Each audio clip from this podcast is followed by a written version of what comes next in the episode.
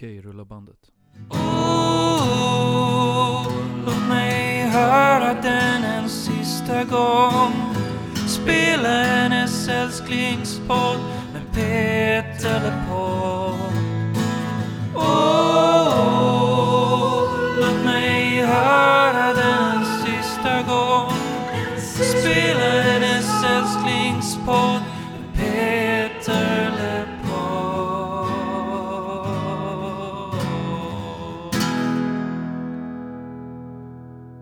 Välkommen hem!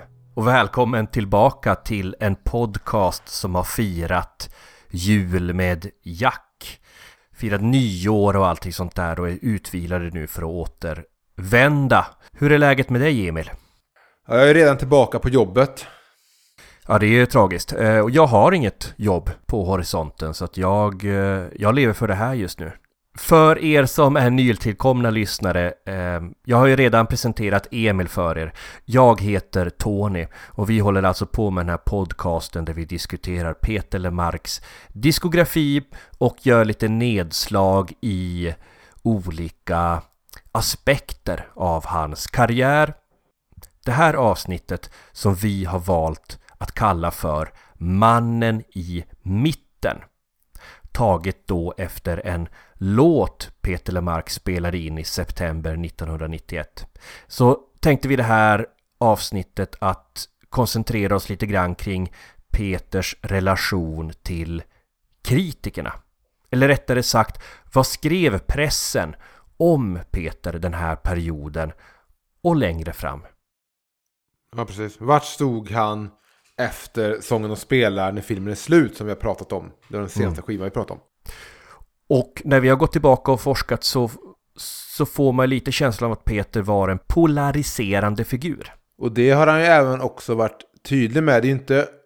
Det är ju flera intervjuer där han pratat just om det. Att han kände att media gick väldigt hårt åt mot honom.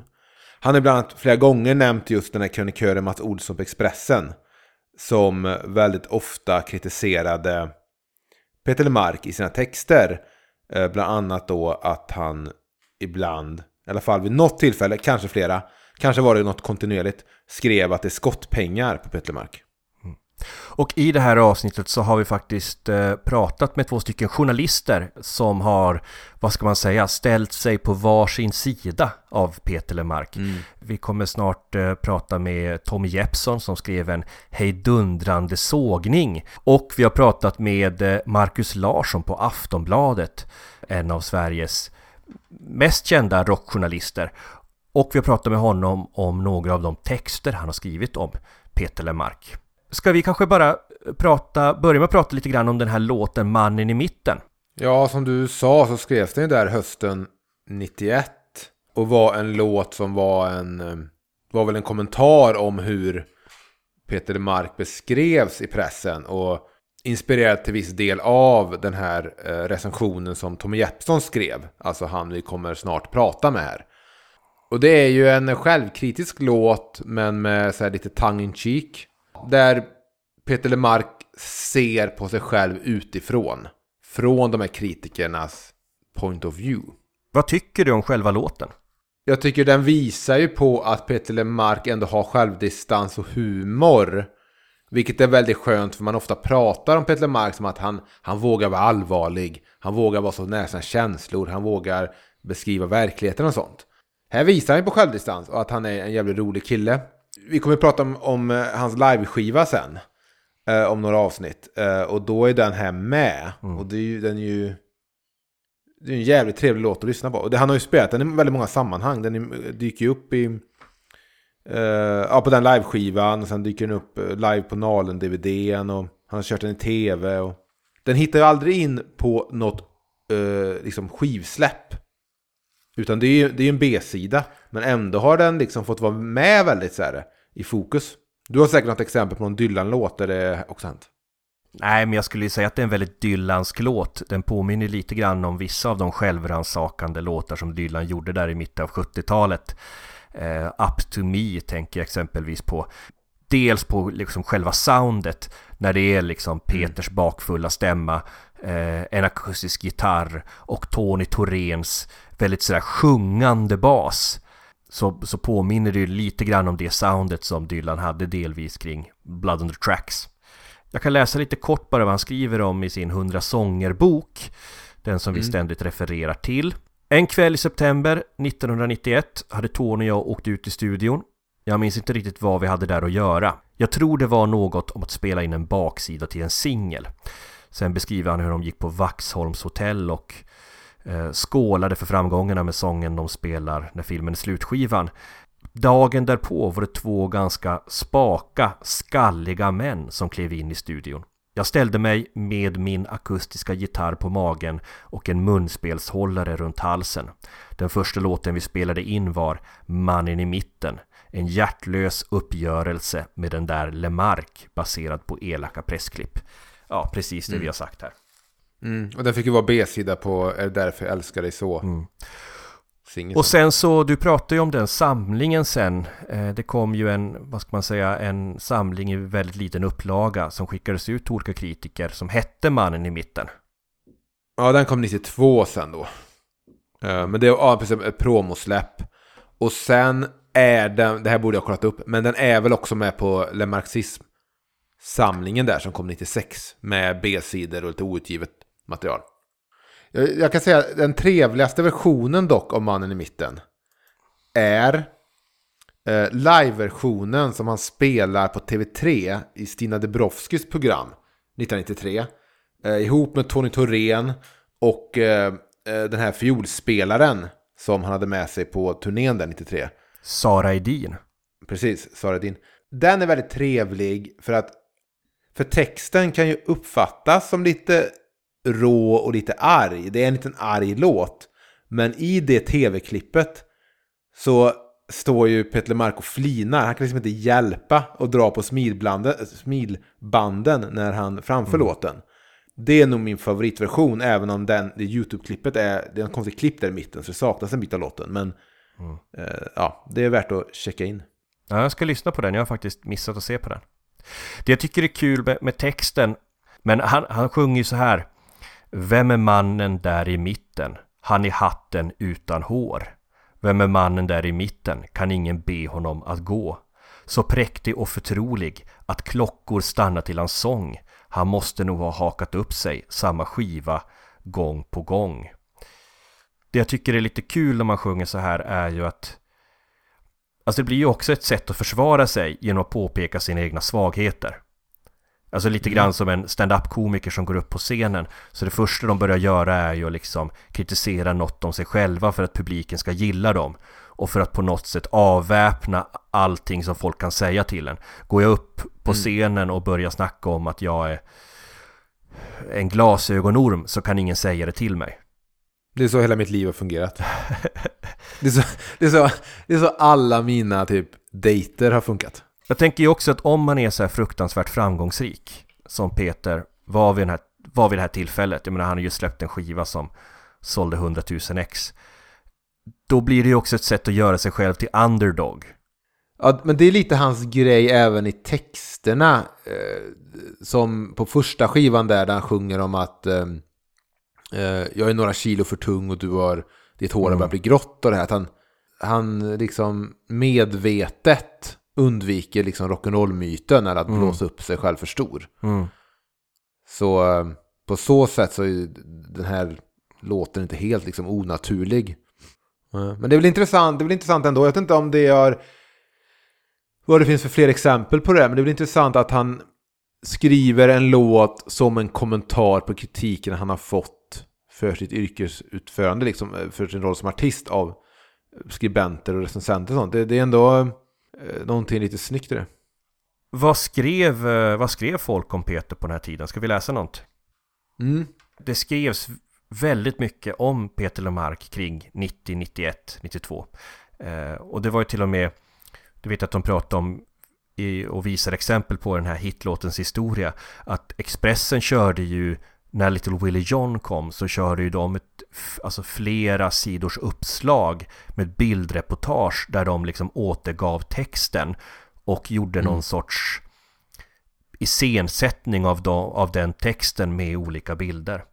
Eh, Mm, det är bisarrt vill jag bara säga. Nu, ja. i backspegeln. Ja, det, det, är- det är svårt att liksom jämföra att de skulle gjort någonting sånt i, idag. Det är kul när man, när man läser recensioner på skivor som idag anses som klassiker. Så att jag hittade en recension här som publicerades i Expressen av Måns Ivarsson på just sången och spelarskivan. Och eh, rubriken är Mätt på Lemark. Och eh, den börjar Svensktoppsjuryn. Massor av ekon från 60-talets soul och dess partnerduetter.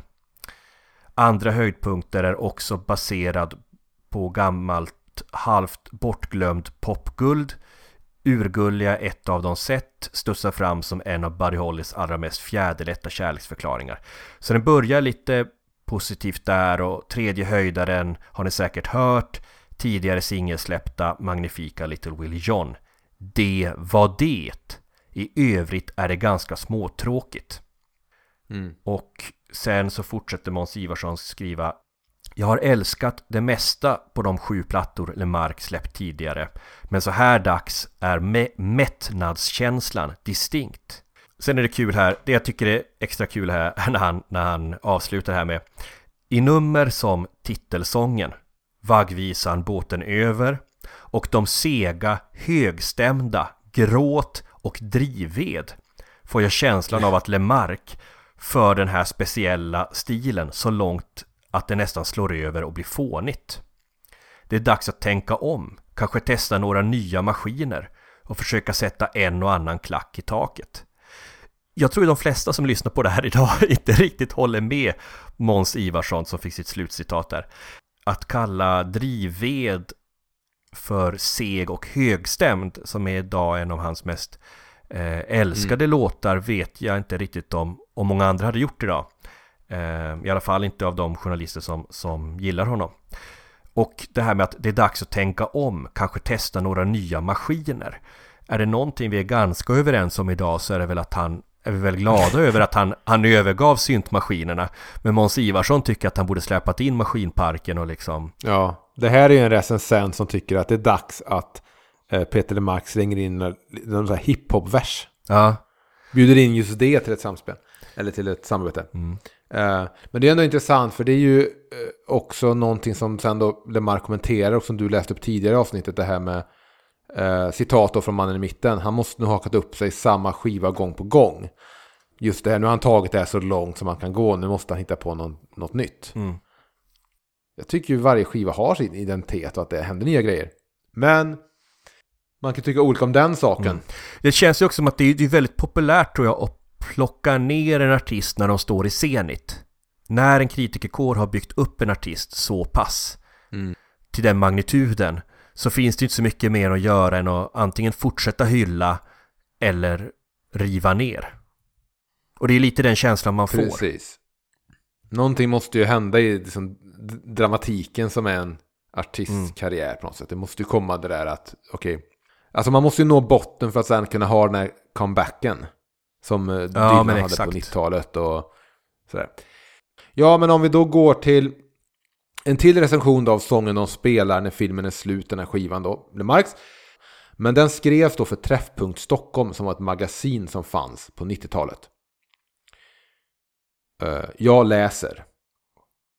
Kan Lill-Babs få bedriva koppleriverksamhet i tv på bästa sändningstid så kan väl Peter Lemark spelas i radio. Märkvärdigare behöver det egentligen inte vara. Publiken får vad publiken vill ha. Parentes, är värd? Frågetecken, parentes. Och det är väl gott nog. Om det inte vore för att halva Sveriges befolkning skiter i att betala tv-licensen och därmed ger fullkomligt blanka fan, eh, parentes, eller saknar moralisk rätt och lust att klaga på, parentes, om Lill-Babs förnedrar både sig själv och andra i rutan. Samma resonemang är väl tillämpligt på radion, antar jag. Vi som inte betalar licens har ingen rätt att klaga på att de maraton spelar Peter Mark på radion. Det som komplicerar saken är att folk köper Peter Marks plattor. Vem skulle köpa Lill-Babs på video? Frågan är näppeligen obefogad, ty jag vet att det är fler än jag som röda av rodnad gömmer ansiktet bakom en kudde eller byter kanal när Lill-Babs gnistrande leende får bildröret att flimra oroväckande. Varför gör inte folk detsamma när Peter LeMarc skämmer ut sig i radion? Sången de spelar innehåller inte ett spår av värde, bortsett då från Little Willie John. Fast den idén är ju å andra sidan stulen från Robbie Robertson. Och genialitet går vare sig att stjäla eller kopiera. Och jag orkar inte ens kommentera Lisa Nilssons makabra inhopp på Är det därför jag älskar dig så? Lemark tycker själv att det var ett lyft. Det är han förmodligen ensam om. Och eh, 30 år efter att Tommy Jeppsson skrev den här texten så fick jag och Emil en liten pratstund med honom. Jag fattar inte var ni hittade recensionen. Hur, hur kunde ni uh, hitta det, den? Det var Peter som i ett sammanhang hade lagt upp den. Jag tror, jag tror, jag är inte helt säker, men jag tror det var i samband när han tittade igenom sina lådor, för han släppte en bok som heter 100 sånger. Och där är det lite stoff från hans uh, ja, karriär. Recensionen är inte med där, men jag, min gissning är att kanske att han hittade den här recensionen i samband med att han letade igenom sina, lådor. Ja, Okej, Men jag, jag, jag tar inte gift på det. vad konstigt att han hade sparat den. Ja, men den har ju ändå, lagt, den ändå på något sätt eh, varit med och lagt grunden till en låt. Så att den har ju... Sen är, känns Ja. han nog som en kille som sparar mycket. Så jag tror att det säkert finns även andra recensioner. Det, det är så konstigt att ni hörde av er. För just, alltså, jag vet inte varför, men jag, jag tittade när jag skapade Word-dokumentet och den 20 november så måste någonting ha flimrat förbi någonstans i mitt flöde. Jag kan inte minnas vad det var. Och då kommer jag att tänka på den här recensionen. Eh, och jag kommer att tänka på att eh, vi träffades på Rish, eh, Peter Lemark och jag. Jag tror det här var i samband med någon slags promotionspelning eh, för LPn. Mm. Eh, och då, då fick jag tydligt klart för mig att baksidan, där mannen i mitten, var baserad på, på den recensionen som jag skrev.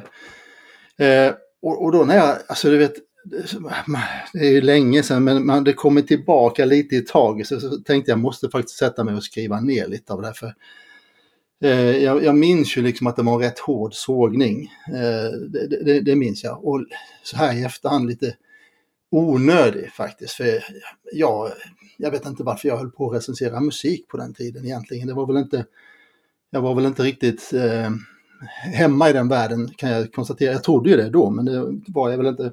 Man kan väl säga att Peter Lemark är ju en ohyggligt mycket mer begåvad singer-songwriter än jag någonsin var musikskribent. eh, det kan man väl säga. Men eh, ja, jag, jag skrev, jag tänkte jag skulle skriva någon, för det var ändå en rätt rolig historia. Så jag, jag började skriva ner en bloggpost, men sen kom jag inte vidare och sen, ja, häromdagen så kom ju brevet från er. Det är ju, det är ju som menat. Ja, Det- fast jag hade, jag hade nästan varit glad om jag slapp läsa recensionen själv, påmind. Den var inte så, den var inte så bra. Kan du berätta lite grann om dig själv eh, som, som tidningsman och vem du är och vad du gör idag? Eh, idag så kan man säga frilansar eh, till rätt stor del och sen håller jag på med ett, eh, ett par webbprojekt eh, under återstoden då. Men på, på den tiden så var jag chefredaktör för en, eh, ja, en nöjestidning som skulle konkurrera med Nöjesguiden på den tiden. Och eh, den hette, från början hette den Träffpunkt Stockholm. Eh, sen döptes den om till Citynytt eh, i samband med att göteborgare köpte den och till slut så landade den faktiskt hos Peter Hjörne under min tid. Men och, ah, ja, jag, jag var rätt ny i Stockholm kan jag ju säga. På den tiden. Och det hamnade egentligen på den tidningen av en slump. Jag jobbade på Expressen men trivde på den här klassiska avdelningen Bekantas bekanta. Ja, trivdes väl inte så där hemskt bra egentligen. Eh, Så jag, jag fick ett erbjudande så hoppade jag på det. Eh, Så jag var på Träffpunkt och Citynytt i, tror jag, tre, fyra år. Mhm. Och det, och det var faktiskt en, eh, ett tag så var det en rätt så hyfsad tidning faktiskt. Så Vi hade duktiga formgivare som, vad, vad heter det där priset man får? Du pratar inte om guldägget?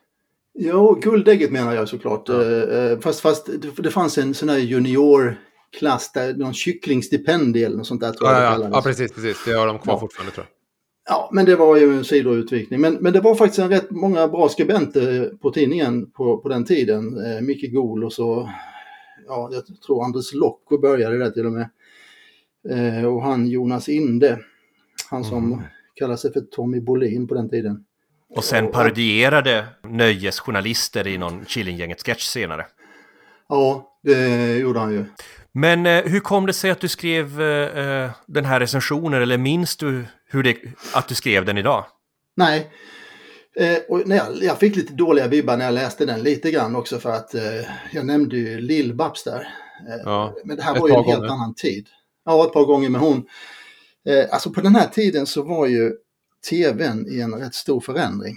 Mm. Eh, för det dök upp en massa pinsamma program. Eh, jag tror Adam Alsing och Agneta Sjödin höll på med något sånt där också, Vem tar vem? Och det fanns något program som hette Förlåt mig. Alltså sån här, man, man, man hade ju alltid en skämskudde när man tittade på tv. Det var, väl, var inte det lite för kanske att TV4 hade kommit?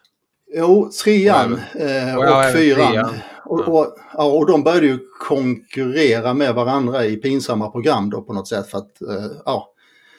eh, sen, sen, sen blev ju Lill-Babs nu, innan hon gick bort då så var ju hon med i Bonusfamiljen och blev ju enormt eh, ännu mer folkkär. Mm. Och då när man läser min eh, recension idag så tycker man ju den är lite konstig med tanke på det.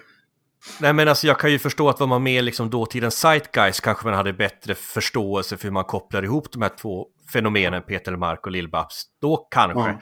Men idag så har, man, har ju vi lite svårt att förstå liksom varför just kopplingen till Lill-Babs. Ja, det var ju för att eh, det var det som var det mest pinsamma för stunden. Hur var då synen bland dig och kanske folk på redaktionen och de du umgicks med och sånt på Peter Lemark här? Du verkar ju inte tyckt om honom som Nej. artist. Alltså om jag inte minns fel, jag, jag eh, var ju sådär säg 15-16 år när New Wave kom. Jag är Mm. född 63. Eh, och jag har för mig att då, då, då liksom slukade man, det fanns ju inget internet då, så man fick ju liksom läsa i fanzines, eh, punkfanzines och sånt där, fick man ju leta efter musik. Eh, Mm. Eh, Och via dem så kunde man ju upptäcka, jag kommer ju från en småstad i Blekinge, som ni förmodligen hör. Men man fick ju leta sig fram efter, vad ska man säga, små parallella universum som fanns ute i svenska städer. Och det var ju ofta via fanzines som man Mm. köpte. Man, man skickade sådana frimärksrullar och så skickade de tidningar och sådär. Och jag har för mig att jag läste om Peter Lemark rätt så tidigt i något sånt här fanzine. Ja, Hans första skivor där som han släppte på Trend som alla gick rätt dåligt. De har ju Ja. mer lite det new wave-soundet.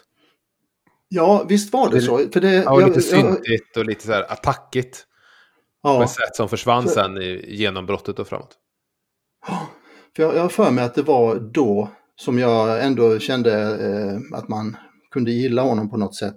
Mm. Utan att ha hört sådär vansinnigt mycket. Men eh, eh, sen eh, i Stockholm så vet jag en historia faktiskt som, som eh, lite eh, cementerade min bild av honom eller skapade min bild av honom.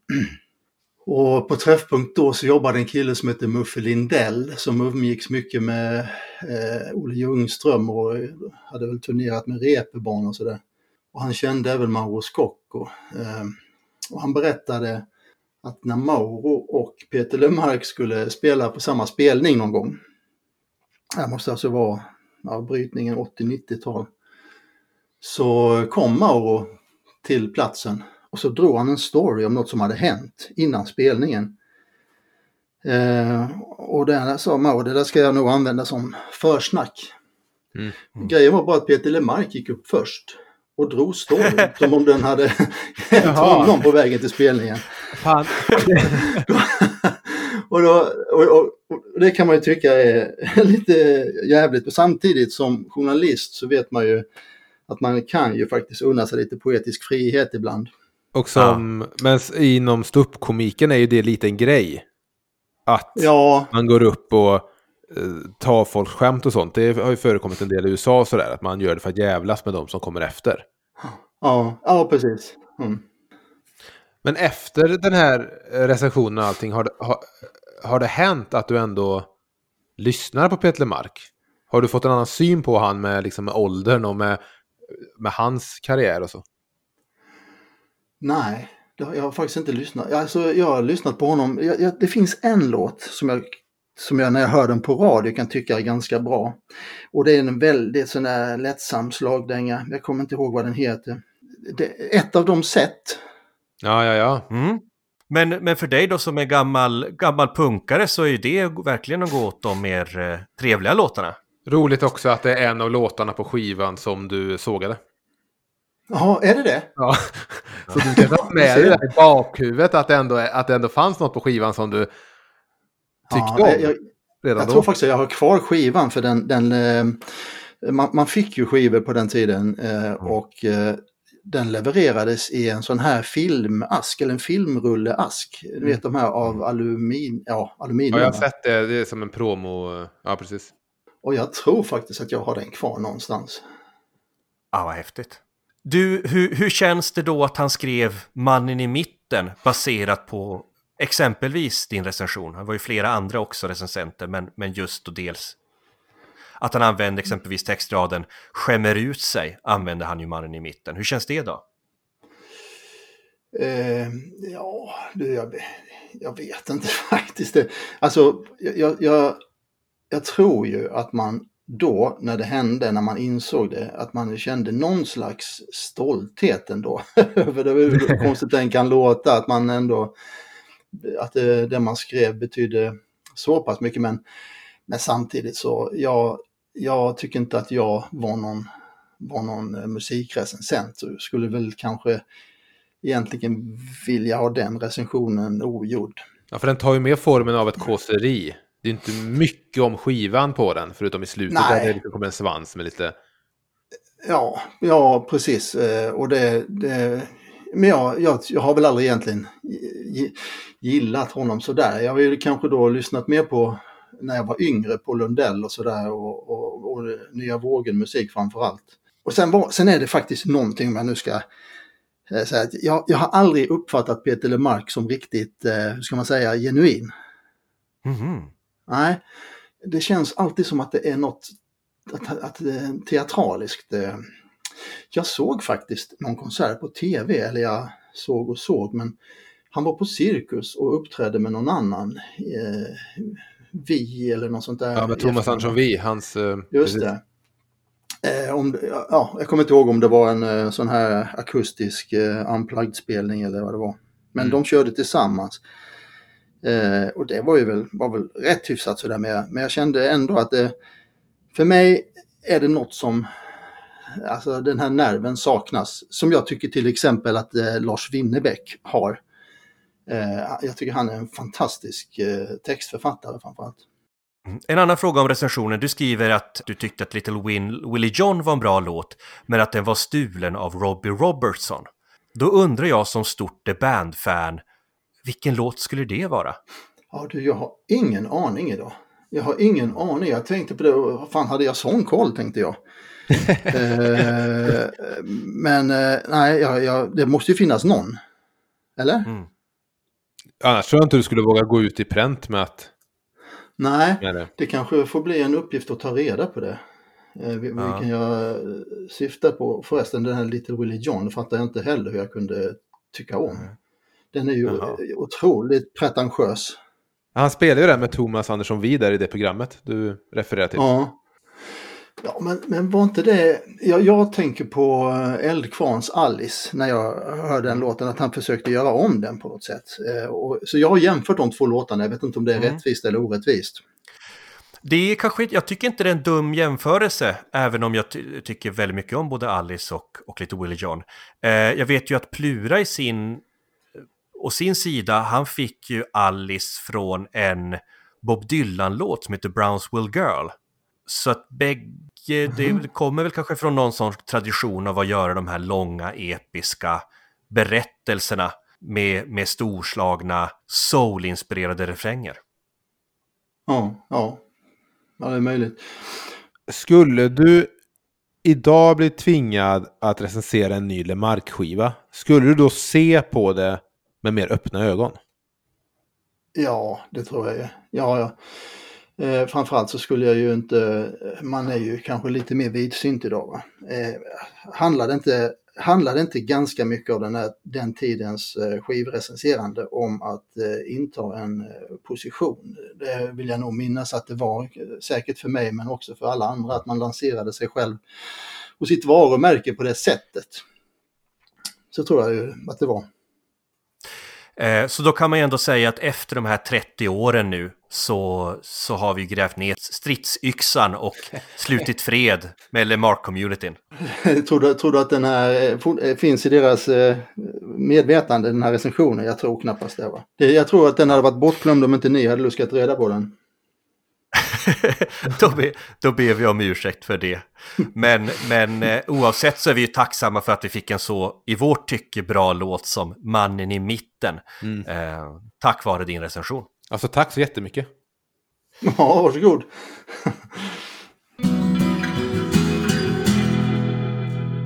Ja, och eh, där lämnar vi Tommy Jeppsson. Om man vill läsa eh, fler texter av Tommy eller komma i kontakt med honom på något sätt så storaord.se Ja, men det var ju ett sätt som liksom media tog sig an den här superstjärnan Peter Lemark. Eh, Den här starkt kritiska hållningen. Men det är ju inte den enda bilden som visades upp i media. Det fanns ju även ett, ett, ett hyllande Peter Lemark. Eh, skivorna fick ju också väldigt fina recensioner. Eh, Hans turnéer fick väldigt bra betyg. Ehm, och eh, det finns ju även väldigt fina texter som är skrivna om artisten Lemark. En person då som inte var eh, aktiv musikkritiker i början på 90-talet eh, men som eh, blev det i slutet av 90-talet genom att han då började skriva för Aftonbladet. Det är ju rockjournalisten Marcus Larsson. Den första text av honom som vi har hittat där han nämner Peter Lemark är en eh, text som publicerades i musikmagasinet Sonic. En eh, krönika som täcker en hel sida. Där rubriken är Peter Lemark är punk.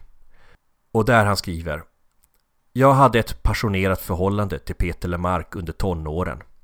Det var rätt bögigt att gilla Lemarks musik uppe i Kiruna i början av 90-talet. Den allmänna åsikten bland de som gapade om Smells Like Teen Spirit och diggade Metallica gick ut på att endast gamla gravida kärringar som var inne på sitt tredje äktenskap hade hans album hemma i skivhyllan. För att uttrycka det milt. Då är eh, frågan, Marcus Larsson på Aftonbladet, är Peter Lemark punk? Ja, om man tänker att punk till exempel inte bara är en, en, en, en, en genre och en stil utan mer en, mer en hållning så, så tycker jag absolut Peter Lemark är punk. Han var det framför allt de åren. Han, han, var, han, han levde ju en ganska undanskymd tillvaro och turnerade ju inte på många år. Ehm, och jag tyckte att, att, att, att, att, att han togs på det allvar han förtjänade. Så då, då, då tycker jag det var en, en lämplig vinkel på att skriva om Peter Mark år 2000, 2001 någon gång när, den tiden när, när Håkan Hellström och Broder Daniel och sådana blev, blev stora på riktigt. Och då, kändes, då kändes Peter Mark lite bortglömd kan jag tycka. Framförallt i mer så här kreddiga kretsar som jag rörde mig vid väldigt mycket på den tiden på, i Stockholm så var, så var han ju iskall, verkligen. Men hände det då att du på de här, vad jag gissar, de här festerna du var på i Stockholm, att du drog upp Peter Lemark, men att det sköts ner direkt, eller att du försökte dra på någon Lemark-låt och sånt där? Var det på den nivån? Eller Mark har alltid varit en sån där man har fått lyssna på själv hemma, känns det som. Men eh, passar bäst så. Han spelades inte på de eventuella fester och de klubbar jag var på på den tiden. Och sen, jag vet att det var Fredrik Strage som läste den där, den där texten när den, när den var publicerad. Han, han tyckte den var väldigt bra, men han, jag tror han också kallade mig för idiot på Hultsfred. Nej, men vad fan, det var, Peter Mark, det var, Peter Mark var en lite sån där... Man växte upp i Kiruna när jag gjorde på 80-talet, så, så fick man nöja sig lite grann med vad som kom dit. Eh, man hade inte samma enorma urval som man har idag.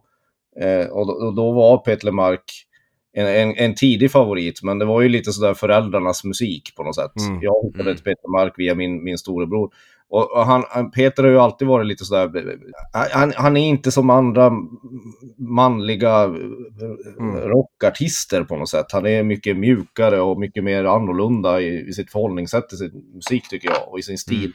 Nej, jag förstår att han var väldigt ute, men för mig har han alltid varit just därför en, en stor favorit. Men han var inte kreddig i början av 2000-talet i hippa kretsar i Stockholm. Det var, Och det är en av de sakerna vi har pratat om i podden att, att han var ju liksom, han var ju väldigt allvarlig och tog saker på allvar och sjöng om känslor. Både liksom i en tid, jag menar vi har pratat mest om 90-talet, i en tid då det inte var coolt att göra det. Då man skulle vara så ironisk och, och blasé som möjligt. Ja, eh, som man ska vara när man är ung.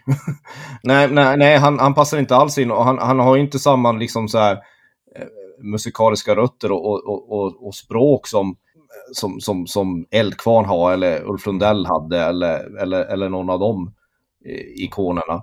Ja, han är inte rädd för att vara pretentiös, men, men, men det har ju att göra med att han, han kommer från en, en uramerikansk soul-tradition på något Mm. sätt. Han, han, han gör ju soul på svenska i en tid när de flesta inte visste ens vad det var. Och, och i soultexter måste ju vara på blodigt allvar, annars så blir de ju totalt meningslösa. Ja, Sen tror jag en annan sak som har legat Peter i fatet, det är ju att han, han, han, varit- han var väldigt tidig på att skriva så här ganska raka och allvarliga, eh, genuina texter om, om så här vardagslycka. Att, Mm. bara må bra i stunden en dag och sådär. Och, och det, ju, det finns ju ingen det finns ju ingen rafflande dramatik eller någonting man, man byter ut sin garderob för när man lyssnar på de låtarna direkt. Han har ju alltid stått vid sidan av och varit liksom lite av sin egen genre. Jo, men då är det ju också lite självvalt för att det är klart det är svårt för grabbarna som lyssnar Metallica, eller i mitt fall kanske just det och sådär, början av 90-talet, att relatera till beskrivningarna av ett äktenskap som lunkar på och ibland, ibland är det bra och ibland är det dåligt. Så att han, på så sätt valde han ju ändå en annan målgrupp kanske också, än de som skulle komma att kritisera honom. Jag tycker att det var ett ganska modigt val. Att han vågade vara så vuxen så, så tidigt. Sen är det klart att, att det, är, det är säkert så här lättare att identifiera sig med många texter när man själv har varit med om Mm. så- sådana Mm. saker. Men jag tyckte redan tidigt att, att, att när jag själv var ung, att, att hans, hans melodier och hans, hans texter berörde ju någonting som jag, som jag kunde se runt omkring mig i Kiruna på något sätt. Mm, I, mm. i, i, i att växa upp i en, i en arbetarstad och de villkoren man hade där, så, så, så betyder ju jag ska gå hel ur det här eller, eller, eller vänta dig mirakel, det är ju en ganska så här, träffsäker beskrivning av hur, Mm. hur det kunde kännas att vara i, i, i, i, i industristäder på den tiden. Men det intressanta också är ju att även om han det kanske fanns en kritik mot Lemark så var han ju samtidigt, det finns en dubbelhet där, för han var ju också väldigt hyllad. Den 93-turnén blir ju superhyllad. Hans skivor fick ju väldigt bra kritik, de sålde väldigt bra och sådär. Ja, men alltså jag tror, jag tror i Peter Lemarks fall så tror jag det kan ha att göra med någon sorts självkänsla också. För att jag tror, jag tror han, han själv minns nog, nu skiter han väl i det, men då så högg väl de här enstaka brutala sågningarna hårdare än, än alla hyllningar. För, för, för det där är väldigt sant, det, det ska man inte glömma bort. Fram till 93 och fram, framförallt turnén 93 och de skivor som kom just innan 93 var ju extremt hyllade i framförallt kvällspressen. I alla fall av vissa skribenter. Live har han ju alltid... Det kanske finns någon enstaka som har kallat att han är en eh, fjant. Sådär, men Mm. där har han varit... Det, det, väldigt, han är ju väldigt hyllad också, det, ska- det ska man ju komma ihåg. Om vi knyter tillbaka till hur du relaterar till Peter så tänker jag på att jag menar sen blev ju ni också bägge småstadskillar som flyttade till Stockholm Mm. och skulle liksom eh, slå er fram i den här coola Stockholmsmiljön där, där folk talade ett visst där folk hade vissa koder eh, och man skulle vara häftig på ett visst sätt. Är det också någonting du kan relatera till? Ja, det, det kan jag ju absolut göra. Jag har väl inte all, aldrig känt mig som en del av, av, av det hippa klubb Stockholm. Då handlar det mer om Peter Lemarks karriär och vad han har sagt i intervjuer. Jag, jag Mm. hör ju inte riktigt den konflikten lika tydligt i hans musik alla gånger som man kan göra i, hos Winnerbäck till exempel. Som, som har skrivit en massa låtar om, om, om, om, om att vara lantis i, i, i Stockholm. det fanns säkert en sån grej också, men det finns ju hos eh, Bruce Springsteen och nästan all, all, all musik av betydelse har ju handlat om att lämna sin lilla småstad och försöka slå igenom någon annanstans. Så Town full of losers. Ja, exakt. I, i slutet av eh, Sonic-texten så skrev du, eh, skrev du om den här drömmen att få se Peter live. Mm. Och eh, du recenserar väl, jag antar väl att 2007 var den första konserten, konserten med Peter du fick recensera. Och sen så recenserade du också senare sista spelningen på Skeppsholmen. Hur var det att få recensera den här spelningen du hade drömt om? Peter Mark var, var länge en sån där artist som man ville pricka av. Och man trodde aldrig att man skulle få se honom igen. Det, det som gladde mig första gången jag såg honom, det var ju att det var, att, att det var precis så bra som man trodde det skulle vara. Mm. Jag, jag blev rätt, bitvis i alla fall, helt knäckt av, Mm. av det. Sen ska vi inte ens tala om den sista konserten, för den, den, den var ju fullständigt magisk. Men det var det, Ja. var det som slog en, att han hade varit borta så många år och han borde egentligen kanske kännas mer förlegad än vad han var. Men han, det- var som att han hade bara klivit av scenen 93 från liveplattan och det- klivit på scenen igen och, och, och, och det var fortfarande liksom, det var lika bra. Det är ju något farligt det där när man har hört eh, bootlegs, man har hört liveskivor. Det är ju liksom ibland svårt för en artist att gå upp och tävla med den där bilden man har gjort i sitt huvud. Det är ju ofta lätt att bli besviken. Men, Mm. Men nej, men Peter blir, blir man inte det. Han, han är ju en sån märklig artist på det sättet, eller märklig. Det, han, han trivs ju inte att spela live. Eller han har ju otroliga kval inför i alla fall. Mm. Men det märks ju aldrig när han ställer sig på scen. Då, då är han i, i sin naturliga miljö på något konstigt sätt. Och sen, sen har han också en, en, en av förmågorna som, som inte så många artister har. Det är ju att jag tycker musiken får en ny dimension när man ser det live. Alltså det, han, den, den är bättre live än vad han låter ofta bättre live än vad han har lyckats fånga på skivor ibland. Har du intervjuat honom någon gång? Nej, det har jag inte. Han har ju inte gjort så många intervjuer. Jag tror jag har ställt frågan någon gång, men, men, men det har inte riktigt varit läge. Han, själv, han säger väl själv så här att eh, han öppnar fönstret för journalisterna när han släpper någonting. Sen stänger han det. Ja, det stämmer ju bra. Han, han, han gör inte så mycket. Han, han gör inte så mycket intervjuer och det har aldrig fallit sig så att jag har fått intervjua honom. Men har du, när det kommer till de här två eh, konserterna då, den 2007 på Cirkus du recenserade och den 2014. Var det självklart på redaktionen att de där ska Marcus ha, eller fick du slåss för att få dem? Nej, det var ju, var ju ganska självklart eftersom jag var musikredaktör och bestämde vem som skulle skriva det Ja, ja. ja klassiskt. Så det var, klassiskt. det, det, var, det, var, det, var inget, det var inget slagsmål så. Det enda jag kände med, med det var att eh, på den tiden, eh, i alla fall 2007 och sånt, då jobbade vi så jävla mycket. Så jag hann inte, jag hann, han gjorde ju inte många spelningar Peter jämfört med andra. Jag skulle gärna ha sett fler. Utan de, de, de konserter jag har sett med Peter Lemark, det är de två jag skrev om. Kan ibland tycka att jag borde ha sett några som jag inte skrev om. Men finns det någon nackdel i att du som står stort fan och verkligen har brunnit för att, för att eh, få se honom är den som i slutändan recenserar? Kan du se någon nackdel i det? Nej, det, det kan jag faktiskt inte göra eftersom det handlar ju om musikjournalistik och inte att bevaka en politiker. Jag tror risken hade varit nästan större äh, äh, att jag recenserade att han skulle fått lägre betyg eftersom jag hade sådana förväntningar på det. Och lyckligtvis så, så behövde jag inte gå ner i betygsskalan på någon av de spelningarna. Men du gav lite, får jag bara säga att du gav lite lågt till Totola? Jag tror du gav den 2 plus 2007. Eh, och du säger Jag, väl... hade, jag, jag har aldrig gillat den låten. Jag tycker det är en av de där magiska låtarna på Det finns Ja, inget ja. bättre som Ja. bara liksom är en del av hela paketet. Ja. Ja, ja det kanske den är, men, men men, ja, den har jag aldrig riktigt fattat. Det finns en anledning till att Totola rimmar på blaha. Citat Marcus Larsson tror jag. ja, jo. Det, det låter som mitt unga jag. det stämmer säkert att jag skrev det. Vil- vilka gillar du bättre då? Vilka är favoriterna? Mina absoluta favoriter tror jag är Drivved och, och Vaggsång klockan fyra på morgonen. Men det finns ju många. Jag ska gå hel ur det här och vänta det mirakel vill man ju alltid höra också. Ja. Eller mellan månen och mitt fönster. Alltså vi kan ju hålla på. Nio broars väg tycker jag väldigt mycket om också. Jag har ju fört tesen om att, att vi norrlänningar älskar eh, drivved för att den lika gärna kunde handla om Norrbotten. Med älven och Det är, en, det är en bra tes, det kan mycket väl vara så. Jag är ju också jag är halvt uppvuxen i Tornedalen och i Torne, vid Torneälven. Så det, det, kan, det kan vara det. Möjligtvis. Vi brukar ju gilla naturlyrik där uppe.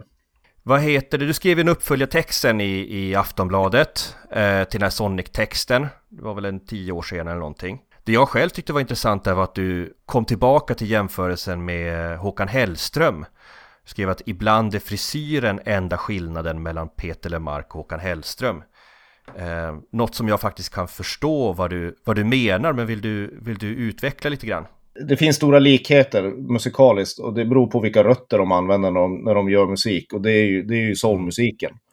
Eh, Mm. och, och, det här nästan brutalt nakna uttrycket. Eller det här, det här att Mm. man, man bara river hjärtat ur kroppen och vem som helst får stampa på det. det, det båda två Mm. använder ju, har ju någon sån här förmåga att bara mena vartenda ord med allt vad de allt vad de kan och då är det ju så lätt att skjuta ner en. Men det har de Mm. aldrig varit speciellt rädda för någon av dem. Så jag, jag, ja, jag tycker det finns stora eh, likheter.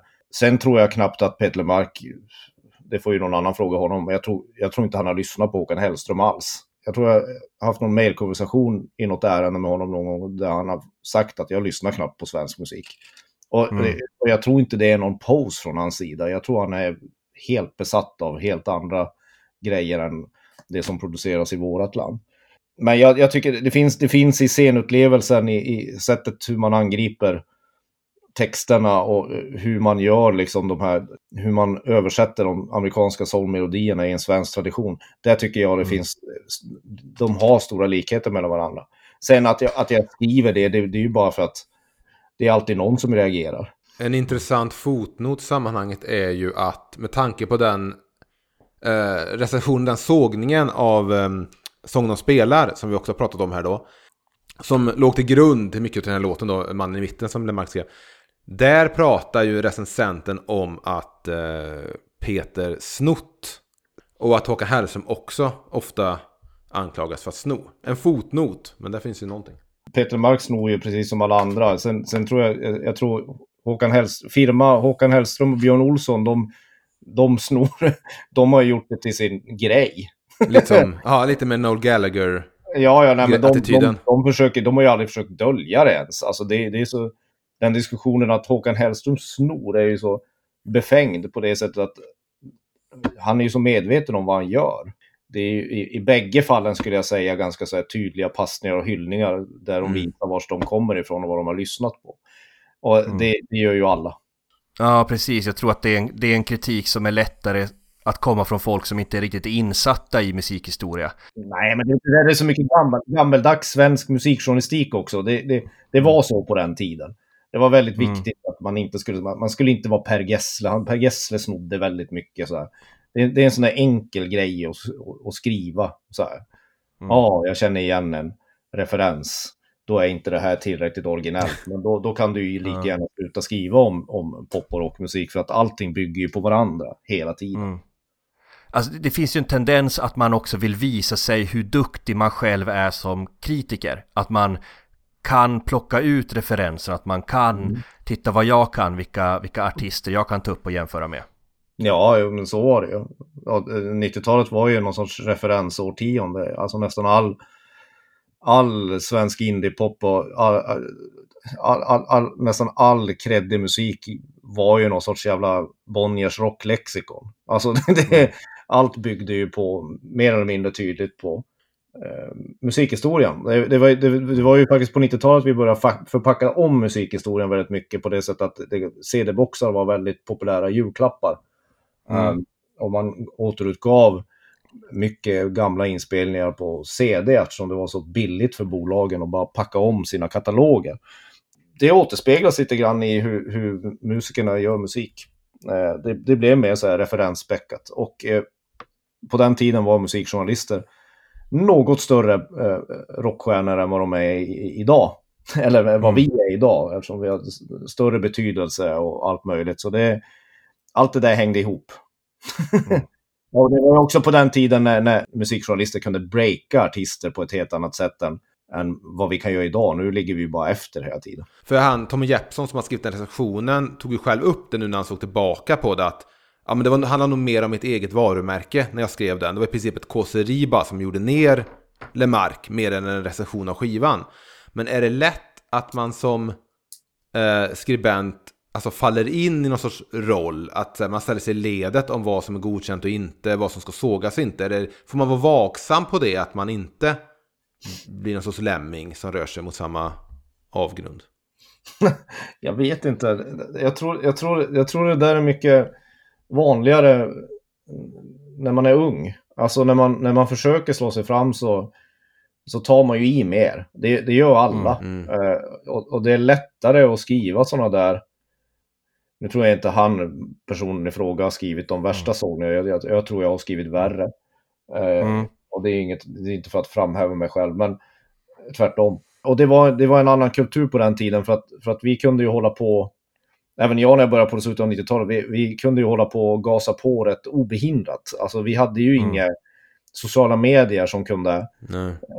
kommentera eller, eller komma åt oss så här, om vi hade eh, skrivit någon infam sågning på något sätt. Så det där, det där ändrades ju rätt mycket efter ett tag. Sen är det världens enklaste grej att skriva sågningar. Det, jag brukar säga att de lägsta och de högsta betygen ska man vara jävligt sparsam med, för annars blir man bara lätt en, i längden en seriefigur. Liksom. Ja, jag, eh, exakt. När jag recenserade film ett tag så var det, det var väldigt svårt att något skulle få en femma eller en etta. Det, jag tycker det, det, hör, det är en speciell typ, liksom, en speciell nivå som är, ska vara svår att nå upp till eller nå ner till. Men då har jag bara en fråga också för att kring detta.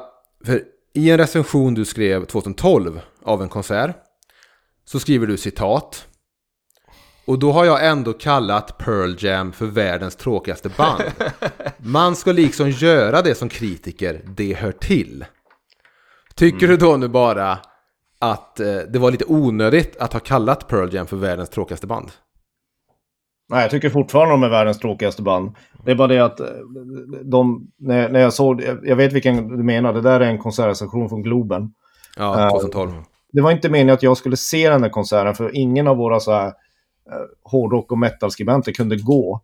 Så jag gick, jag gick till Globen med en stor suck, för jag insåg att jag kollade på setlistorna innan och insåg att det, det är tre timmar lång konsert, det kommer ju bli för jävligt. Och sen när jag går ut tre timmar senare så är det en av de bästa konserter jag sett i hela mitt liv. Jag tycker de fortfarande är ett skittråkigt band att lyssna på vanliga skivor. Ja, det, det är helt okej, men skulle du ändå säga att de var nästan lika bra 2012 i Globen som, som LeMarc var på Cirkus? De, de var ju bättre än LeMarc var på Cirkus, men, men, men de var inte bättre än LeMarc var på Skeppsholmen. Som du märker Marcus så är Emil ett inbitet Pearl Jam-fans medan Jag jag eh, håll, håller med dig om, om vad du säger om Pearl Jam. Det föranleder Ja. ju liksom frågan om du som kritiker, eller speciellt när du skriver för Aftonbladet som är Sveriges största tidning, då skriver du dels artisten som du skriver om kan ju läsa det du ha, har skrivit. Men också jag tänker fansen som förmodligen är de som, som i Emils fall som du märker, reagerar mest och kan komma ihåg enskilda formuleringar. Jag tänker att din mailbox kanske inte alltid är så rolig. Hur, eh, hur ställer man sig till det där som kritiker? Att skriva om musik är, fascinerande på det sättet att det, det, det är så känslomässigt. Det går så känslomässigt djupt i folk. När, Mm. när, det, när det trots allt bara handlar om några tjommar och tjejer som, som, står och, som står och spelar några timmar på en scen och sen, sen finns inte det längre. Om vi pratar om just mm. här recensioner här. Nej, min mejlkorg har genom åren varit fruktansvärd. Men, men den har, det är sällan den har varit så allvarlig när det gäller enstaka band och artister den riktiga vägen, världen. Ni ska se hur den ser ut efter ett avsnitt av Så mycket bättre än Melodifestivalen. Då, då jävlar. Då, då, då, då kan det vara riktigt illa. För det, det är något som engagerar folk oerhört mycket. När Britt-Marie har fått i sig en alltså, ibland vet man ju när man går ut från en konsert till exempel att helvete vad jag tycker det är dåligt och man märker på publiken om det är en stor konsert att fan vad de tycker det är bra. Mm. Och då, då är man nästan förberedd på man, efter några år man har gjort det så är man förberedd vad man ställer till med på något sätt. Mm. Och, och det är ganska lätt att försvara. Och det är svårare när man, när, man, när man inte har hittat kärnan i någonting man vill beskriva eller om man har levererat dåliga formuleringar eller har något faktafel eller, eller är allmänt missnöjd med det man har presterat på något sätt, då, då känns det mer. Det- Det är som alla. Man har bra och dåliga dagar. Ibland vill man inte öppna mejlkorgen, ibland är det lugnt. Sen kan jag tycka att, att hur ska jag beskriva det här? Det, det var annorlunda när man började, för då, då handlade mejl om, om huruvida konserten var bra eller inte. Nu, nu Mm. eh, på senare tid så, så, så finns det ett helt annat politiskt riktat journalisthat och, och eh, rasism i, i, i, i mejlen som, som inte fanns i samma utsträckning i slutet av 90-talet. Men har du någonsin känt att du har skrivit någonting, eh, varit kritisk mot en artist eller någonting, där du har känt att fan, jag, det kommer bli jobbigt att träffa den personen, eller jag borde kanske skriva och be om ursäkt för nu, nu slant jag bara iväg med min sågning. Ja, inte, inte så mycket på senare tid. Det är möjligtvis att jag har några sådana eh, i arkiven från när jag var eh, när jag började. Eh, Mm. Kan jag tänka mig att, att, att jag var att, att jag det finns nog vissa recensioner där som jag inte skulle skrivit idag. Det är ju, svår, det är ju svårare att skriva om svenska artister än utländska artister. Det, så är det ju. Eftersom Mm. dels, det, det spelar ingen roll, det spelar egentligen ingen roll om man sågar dem eller hyllar dem. Det, man vet ju att de texterna blir ju lästa. sen får artisterna säga vad de vill.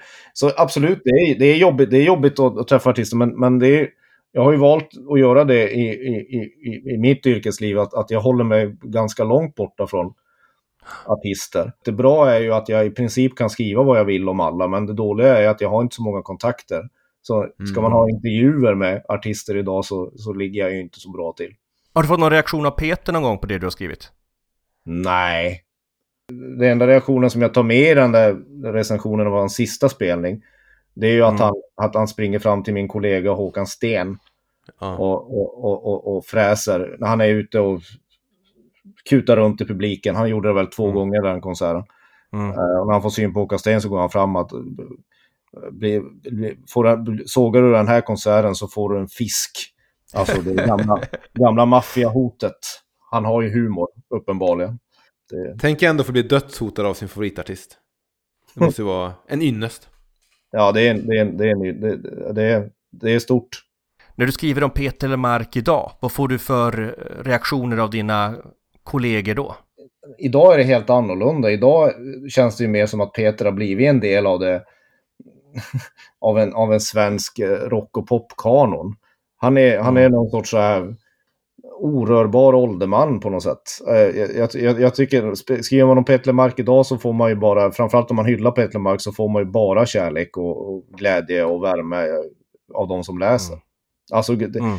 så är det. Han har ju ett sånt följe. Han har kanske inte den största publiken i, i Sverige, men, men han har en väldigt, väldigt hängiven och trogen och varm publik. Mm. Mm. Det, det, det har han lyckats eh, skapa genom åren. Så nej, idag är det ingen som bryr sig. Det där var ju bara laddat då. Mm. Han har ju gått in i en fas i sin karriär där man är lite, han är lite en legend. När du skrev den där vid 2000 där, det var ju, det var ju när han var borta under 6-7 år där mellan um, Nio Broars väg och hans comeback. Framförallt för att han inte spelade någonting och det skulle han ju inte göra på länge igen. Men han, han var lite bortglömd och lite så här... Ja, inte alls i tiden på något sätt. Och då, då, då är det ju lättare att bli töntförklarad. Men, men Mm. jag, tycker, jag tycker ju... Nej, men Peter Lemark är bland det finaste Sverige någonsin har haft. Sen, sen kan jag ju förstå dem som... Alltså det finns ju verkligen folk som aldrig kan ta till sig hans musik. Som tycker att han är... Han är för, inte vet jag, mjäkig eller tuntig. Mm. Mm. och pretentiös. Men eh, det är ju samtidigt det som gör att man gillar honom. Så den balansgången är ju någonstans hans nyckel till framgång. Att han vågar vara som, som han är. Så här. Och att han vågar stöta bort folk också genom att inte ta några sådana här kreddiga karriärsval. liksom. Ja. Har du någonting sista du vill säga om Peter Lemark eller någon fundering du har? Nej, det är bara det att det, det är synd att han... vi- kommer aldrig se en konsert med honom mer. Eh, Det, Mm. det är jävligt tråkigt. Sen hoppas man ju att han... Att han fortsätter släppa musik. Och Mm. Han- är ju fruktansvärt bra. Han verkar, inte vara inne, han verkar vara inne i någon fas när han tycker det inte är värt att göra album. För det, det kostar Ja. bara och det ger ingenting tillbaka. Men Jag, jag kan bara avsluta med, jag är glad att jag fick se honom live. Det, det, det var allt jag önskade mig en gång i tiden.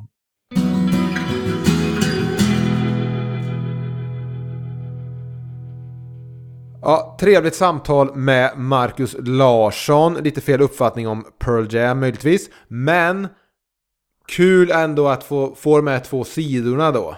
Av hur media har porträtterat eh, Lemark. Och också lite så här, tycker inte också Tony det är lite så här spännande att prata med någon som har sett honom live ändå. Det är ändå lite som att ha sett något mystiskt väsen i skogen. Ja, man vill ju liksom bara fråga hela tiden så här, hur, hur, hur var det? Vad, vad, vad hade han på? Du vet, ställa sådär hundra frågor. Det är som när, när vet, tidningarna postar någon bild på någon som har tagit så här bild på en sån här vit albino-älg.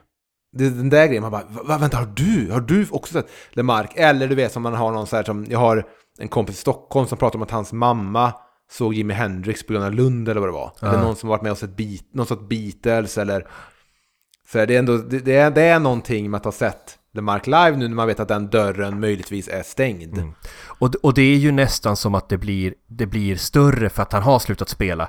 Så blir liksom den, den upplevelsen större. Att det inte är så här, ja men vem vet, en dag kanske man knallar in på ett café och så sitter han där med, du vet, trubadur på måndagar på O'Learys i Bagarmossen. Ehm, men, men nej, man vet ju att det, eh, det skeppet har gått. Men, jag har tre textmeddelanden från dig. Mm. Du har inte skrivit dem, men det här är tre textmeddelanden från dig som kan komma under året. Och då vill jag att du rangordnar dem i hur troligt det är. Mm. Okej, så du kommer få tre textmeddelanden som du skickar till mig. Du går ofta upp tidigare än mig tror jag, så jag säger att jag vaknar upp till att jag fått ett meddelande från dig. Ja, Okej? Så du kommer få tre stycken och sen vill jag att du rangordnar dem i trolighet för 2021. absolut. Okej.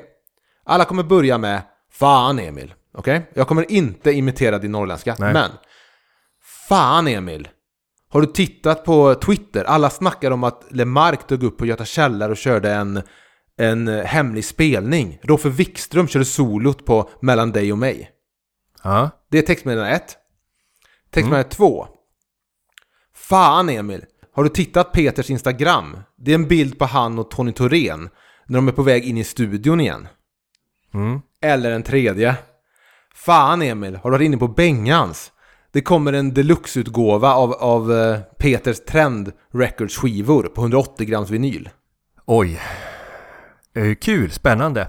Ehm, jag tror så här, okej om jag ska rangordna vad som är mest troligt under, kommer ske under 2021 så skulle jag säga ett, Det mest troliga är Fan Emil Trend Records skivorna har kommit på eh, 180 gram utgåvor. Mm. Två, Fan Emil, hemligt gig i na- igår natt och vi, vi missade det. Tre, Fan Emil, han har gått in i studion med Tony Thorén och, eh, och kommer inte komma ut förrän den där haschkakan är slut. Alltså det är störst chans att det kommer någon sån här lyxbox med vet, färgad vinyl de tre Trend Records skivorna på, eh, på typ så här i 180 grams. Ja, jag är rädd för det. Marcus Larsson har skrivit någon liten text som följer med i någon booklet. Nej men det var en kul lek. Eh, vad, vad tror du är mest troligt och vad har du för andra förhoppningar vad gäller Peter för eh, 2021? Att han skulle spela in en ny skiva är ju inte helt otroligt, för det har gått ett par år sedan Den tunna tråden. Och även om man då har uttryckt det, som även Marcus Larsson nämnde, det här att han är lite, han är lite förbi albumgrejen för att det säljer inte längre och så här. Och eh, de som lyssnar på musik är förbi albumen också. Så tror jag det finns en chans att han eh, går tillbaka till det. Jag vet inte vad jag tror och inte tror. Men likt att Oasis-fans ändå på något sätt tror att Liam och Noel kommer sluta fred och spela ihop igen någon gång. De här bröderna som har kivats nu sedan 2009. Så jag menar, om Guns N' Roses kunde återförenas så tror jag ändå att det finns en chans på något sätt. Om man bara ber tillräckligt ofta att eh, Peter på något sätt kommer stå på en scen igen. Det, det vill jag tro. Trend Records-skivorna tror jag för alltid är begravda. Det är nog förmodligen närmare sanningen än mina gissningar.